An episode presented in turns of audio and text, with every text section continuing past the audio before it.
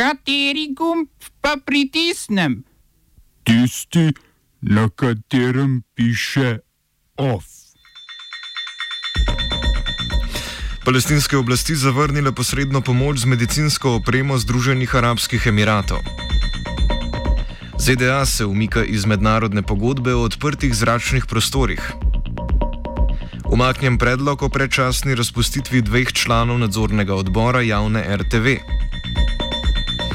Davčna uprava Slovenije začela raziskavo fiktivnih podjetij v Bani Luki. V kulturnih novicah pa imenovanje novih članov v upravni odbor preširnovega sklada.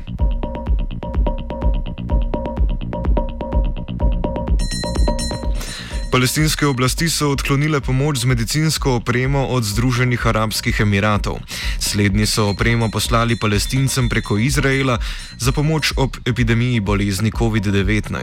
Palestinski ministr zdravja May Kale je ob tem na javnem dogodku v Betlehemu na okupiranem Zahodnem bregu povedal, da ni bilo nikakršne koordinacije s Palestino v zvezi z medicinsko opremo iz ZAE. Letalo z medicinsko opremo namenjeno palestincem iz Abu Dhabi Libija je pristalo na izraelskem letališču v torek, kar velja za prvi javni let med državami, saj UAE in Izrael nimata uradne povezave. Zadnje čase se, kot lahko sklepamo, prijateljsko šmekajo Izrael in UAE, čeprav razen Jordana in Egipta, ki sta podpisala mirovna sporazuma z Izraelom, ostale arabske države uradno zanikajo veze z Izraelom, ki že desetletja okupira palestinske teritorije. Kitajski premijer Li Keqiang je v poročilu Kitajskemu nacionalnemu kongresu pozval Tajvance naj se uprejo neodvisnosti Republike Kitajske, torej Tajvana. Pravi, ukrenil bo vse, da bi ta poziv nekoliko kosal z inauguracijskim govorom predsednice Tsai Ing-wen, ki pravi, da Tajvan nikoli ne bo sprejel dogovora ena država, dva sistema, po kateri bi Hongkong postal del Kitajske z avtonomijo. Thank you Justin Trudeau medtem pravi, da Kitajci ne razumejo, da je v Kanadi sodstvo neodvisno od političnega vpliva, za razliko od daljno-vzhodne države. To je sicer odgovor na zahtevo kitajskih oblasti, da naj osvobodijo finančno direktorico Huawei Meng Wanzhou, ki je bila aretirana decembra 2018 v Vancouvru. Ta čaka, da omenjeno politično neodvisno sodišče presodi o njeni morebitni izročitvi Združenim državam Amerike. Tam so z nepolitičnostjo sodstva nezadovoljni, ker obstaja možnost, da je hči ustanovitelja kitajskega tehnološkega podjetja Huawei prikrivala poskuse povezanih podjetij, da prodajajo opremo Iranu in s tem kršila nepolitične sankcije, pod katerimi je. Združene države Amerike se umikajo iz mednarodne pogodbe o odprtih zračnih prostorih, po kateri lahko države izvajajo neoborožena letalska opazovanja nad ozemlji drugih držav. Kot razlog so navedli rusko nespoštovanje dogovora. Slednja na nekaterih ozemljih ne dovoli to vrstnih opazovalnih letov, med ostalimi v ruski eksklavi Kaliningrad. Ameriški obramni minister Mark Esper je tudi nezadovoljno omenil, da jim Rusi ne dovolijo poletov niti med vojaškimi vajami. Ameriški umik iz pogodbe začne uradno veljati po šestih mesecih. Zvezdni sodnik Jesse Furman je določil, da bo vlada ameriškega predsednika Donalda Trumpa plačala denarno kazen zaradi zavračanja pojasnila o letošnjih spremembah na vprašalniku popisa prebivalstva. Vladni spodleteli poskus je bil vprašalniku dodati vprašanje državljanstva. Deluje kot da bi lahko zastraševali priseljence in s tem povzročil manjši odziv na popisu, ki prinaša politične posledice. Od števila prebivalcev je namreč odvisno število kongresnikov vsake zvezdne države ter različne oblike proračunske pomoči.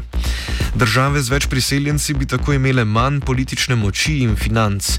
Kot da to ni dovolj, ameriški predsednik Donald Trump več ni dobrodošel v zvezdni državi Michigan, ker ni nosil maske pred obiskom oziroma med obiskom tovarne Ford.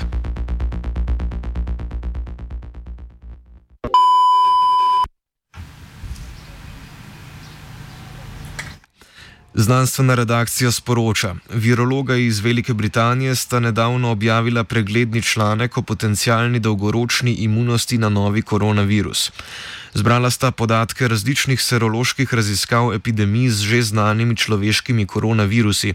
Te raziskave so pokazale, da ljudje, ki so preboleli prvi SARS ali pa MERS, po dveh do treh letih niso imeli več primernih protiteles v svojem telesu.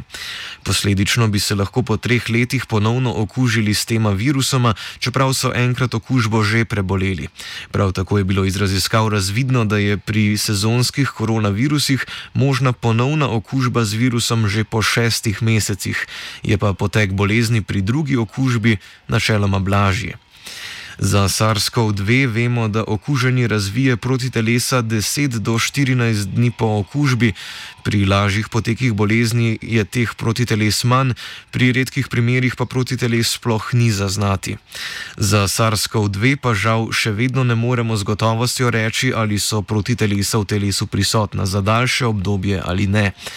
Vendar, če izhajamo iz preostalih raziskav na drugih koronavirusih, lahko vidimo, da učinkovitost teh protiteles čez čas zbledi in da bi se oseba, ki je COVID-19 že prebolela, lahko zopet okužila. Prav zaradi nevarnosti ponovne okužbe nekateri raziskovalci in raziskovalke omenjajo možnost, da bi novi koronavirus lahko čez čas postal endemičen in bil le še eden izmed sezonskih virusov, ki krožijo med ljudmi.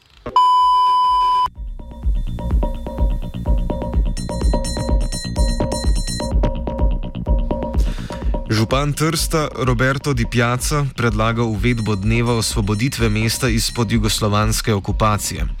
V temeljitvi predloga je tržaški podžupan Paolo Polidori iz desničarske lige povedal, da je bil šele 12. juni 1945 dan za, predlagan za dan osvoboditve, tisti dan, ko je Trst zaživel kot svobodno mesto in ne 25. april istega leta, ko so ga partizani prevzeli od nemške okupacije po kapitulaciji isolaciji in se tam zadržali 40 dni.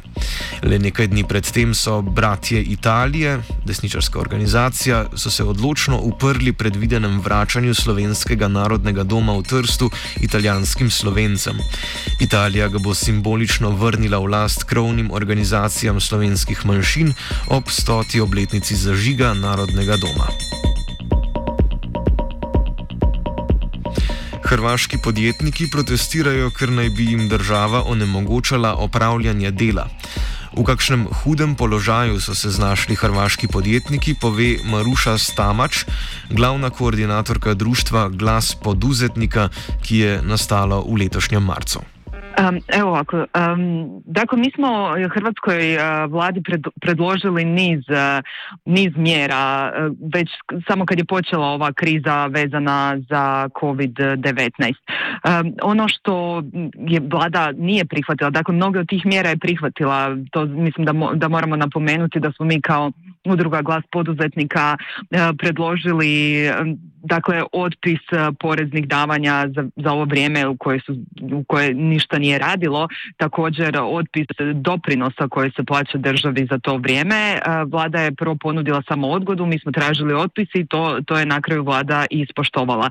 Također mi smo tražili i mjere za očuvanje radnih mjesta u kojima e, svaki zaposlenik e, će dobiti od države 4000 kuna, što je također vlada ispoštovala. Mi smo još tražili dakle, neke mjere koje vlada nije prihvatila, to tražimo i dalje. Mislimo da je za gospodarski uh, oporavak nužno, da su nužno manji porezi, dakle da se poduzetnicima treba pomoći da što slobodnije rade, da ih vlada ne opterećuje, odnosno država da ih ne opterećuje sa dodatnim porezima, sa raznim parafiskalnim nametima, jer u Hrvatskoj postoji više od 500 svakakvih parafiskalnih nameta. Dakle, to su ovi davanja državi koja ne spadaju u porez.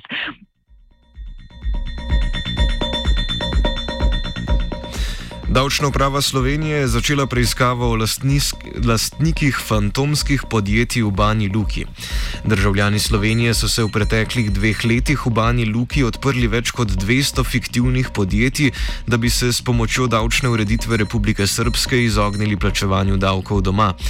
Podjetja nimajo telefonske številke, elektronske pošte na naslovih, kjer so registrirana, ni predstavništva ali pisaren. V večini primerov je pri registraciji sodeloval Rok Snežič, biznismen in svetovalec premijeja Janeza Janša. Mandatno-volilna komisija je na včerajšnji seji z dnevnega reda umaknila predlog o predčasni razrešitvi nadzornega odbora javne radiotelevizije Slovenije. Umik je predlagala stranka Levica, za je glasovalo 10 poslancev, proti jih je bilo 8. Predčasno razrešitev nadzornikov Danila Tomšiča in Boruta Žagarja so iz stranke SDS podali na seji 21. aprila, saj po zakonodaji 5 od 11 članov nadzornega sveta RTV Slovenija imenuje državni zbor. Teh pet mora vzdrževati politična razmerja, ki po spremembi vlade niso sorazmerna.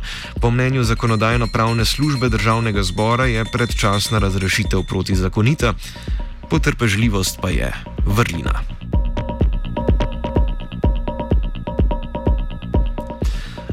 OF je pripravila Anja.